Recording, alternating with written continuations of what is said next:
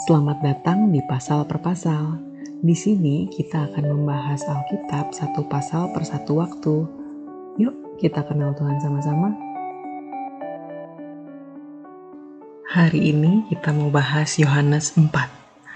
Pasal ini menceritakan tentang percakapan Yesus dengan perempuan Samaria.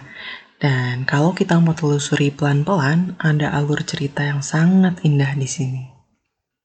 Kita mulai dari ayat yang ketiga. Yesus meninggalkan Yudea dan kembali lagi ke Galilea. Ia harus melintasi daerah Samaria.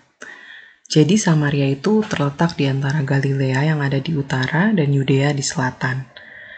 Jalur terpendek untuk pergi ke Galilea dari Yudea itu adalah melalui Samaria. Tapi bangsa Yahudi tidak punya hubungan yang baik dengan orang Samaria, sehingga setiap kali mereka melakukan perjalanan, mereka memilih untuk tidak lewat Samaria. Kenapa bisa sampai seperti itu? Kita lihat ya latar belakangnya. Kita juga bisa lihat latar belakang itu di ayat kelima.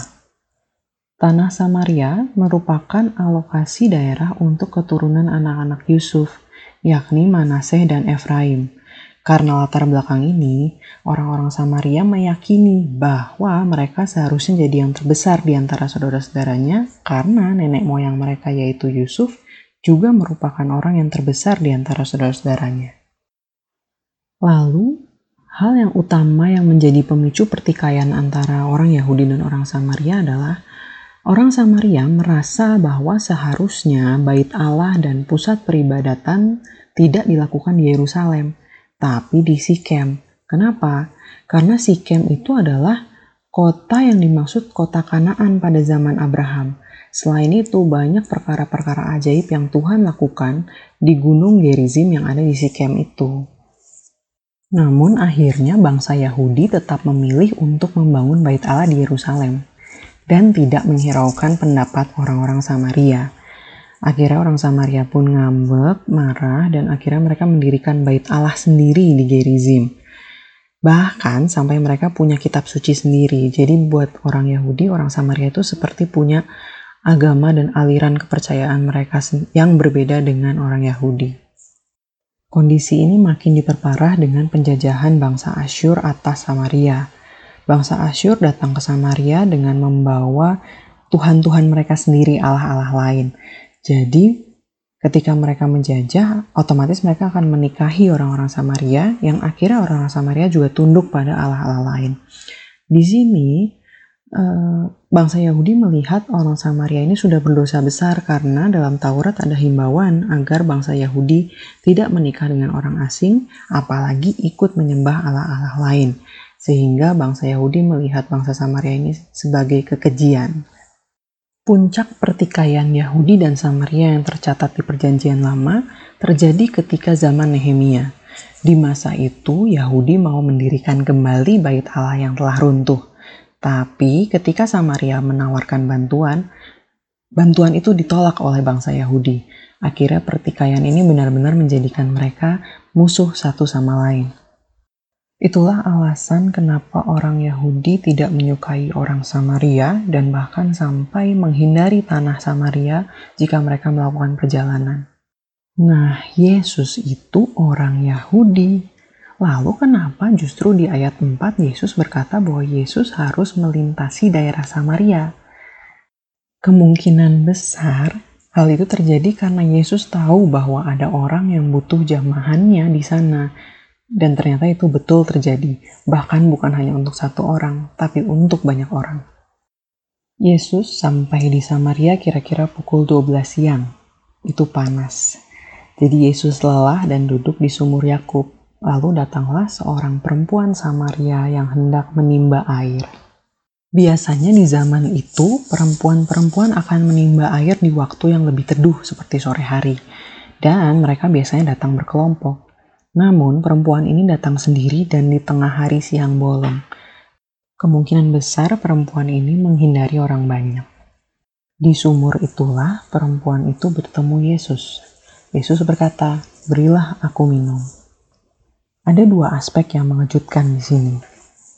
Satu, Yesus adalah seorang Yahudi dan dia berbicara pada seorang Samaria.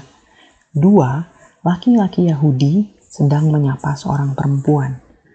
Laki-laki Yahudi, bahkan seorang rabi, itu dilarang untuk menyapa perempuan di tempat umum, bahkan jika perempuan itu istrinya. Nah ini yang Tuhan Yesus sapa adalah seorang perempuan Samaria. Jadi sangat wajar ketika perempuan itu berkata, Masakan engkau seorang Yahudi minta minum padaku orang Samaria? Perempuan ini berpikir bahwa Yesuslah yang butuh belas kasihan dari dirinya. Namun justru sebaliknya. Di ayat 10, Yesus ingin menjelaskan bahwa sebenarnya yang butuh untuk meminta air adalah perempuan itu, tapi bukan air biasa, melainkan air hidup, yaitu Yesus. Jikalau engkau tahu tentang karunia Allah dan siapakah dia yang berkata kepadamu, berilah aku minum, niscaya engkau telah meminta kepadanya dan ia telah memberikan kepadamu air hidup. Air hidup kalau diterjemahkan secara harafiah adalah air yang mengalir seperti dari keran dan bukan yang menggenang di sumur seperti yang ada di depan perempuan itu. Masih berpikir secara harafiah, Perempuan itu menjawab, Tuhan, engkau tidak punya timba, dari manakah engkau dapat air hidup itu atau air mengalir itu? Perhatikan, sapaan perempuan itu dari yang awalnya dia menyebut Yesus sebagai orang Yahudi, sekarang berubah menjadi sapaan bagi orang yang mulia. Kata Tuhan di sini yang dimaksud bukanlah Tuhan, tapi Lord atau Sir. Jadi sapaan untuk orang yang lebih mulia atau kaum bangsawan. Jadi perempuan ini belum sadar kalau Yesus itu Tuhan, tapi dia tahu bahwa Yesus itu adalah orang yang mulia.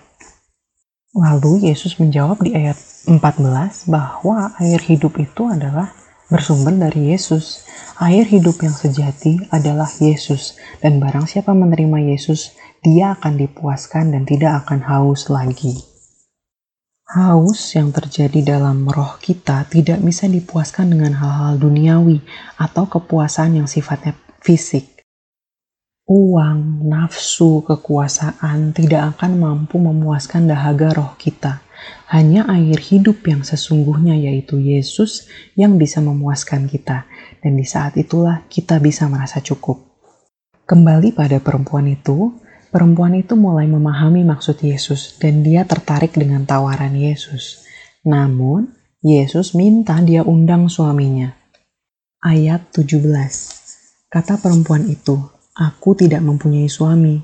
Kata Yesus kepadanya, "Tepat katamu bahwa engkau tidak mempunyai suami, sebab engkau sudah mempunyai lima suami dan yang ada sekarang padamu bukanlah suamimu.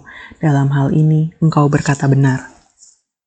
Pengetahuan Yesus akan aib perempuan ini dan sikap Yesus yang tetap menganggapnya sebagai manusia membuat perempuan ini menyadari bahwa Yesus ini bukan hanya mulia, tetapi dia nabi.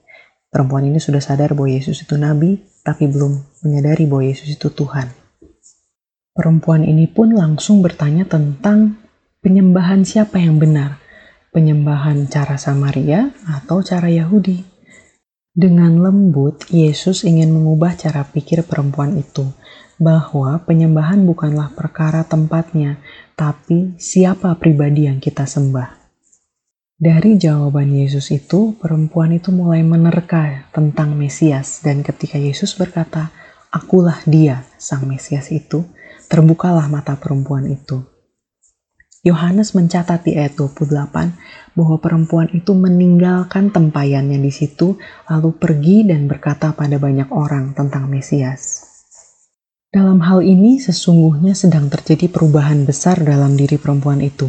Dia meninggalkan tujuan awalnya yaitu mengambil air, lalu dia pergi kepada orang banyak. Dia yang tadinya menghindari banyak orang, malah pergi kepada orang banyak untuk menyatakan bahwa ada Yesus di tempat itu. Dan ketika perempuan itu sedang pergi untuk memanggil orang banyak, murid-murid Yesus datang membawa makanan dan meminta Yesus untuk makan. Lalu Yesus menjelaskan bahwa apa yang jadi makanan bagi Yesus, yaitu yang memuaskan dirinya, adalah melakukan kehendak Dia yang mengutus Yesus dan menyelesaikan pekerjaannya. Dari sini saya tahu bahwa keputusan Yesus untuk melalui Samaria adalah pekerjaan yang diberikan Bapa padanya. Dan sama seperti makanan yang memuaskan manusia, Yesus puas dan kenyang ketika ada orang yang bertobat serta percaya bahwa Yesuslah juru selamat. Mari kita baca Yohanes 4 hari ini dan lihat bagaimana Yesus bekerja di Samaria dan menyelamatkan banyak orang. Bagi kita, pertanyaannya, Air apakah yang kita minum hari ini? Dapatkah air itu memuaskan dahaga roh kita? Minumlah air yang sejati hari ini, dan biarlah air hidup itu mengubahkan hati kita dari yang memandang Yesus sebagai orang Yahudi biasa menjadi orang yang mulia, lalu menjadi nabi, dan akhirnya sampai kita sadar bahwa dialah satu-satunya juru selamat. Terima Yesus hari ini, lakukan kehendaknya, dan kita tidak akan lapar dan haus lagi.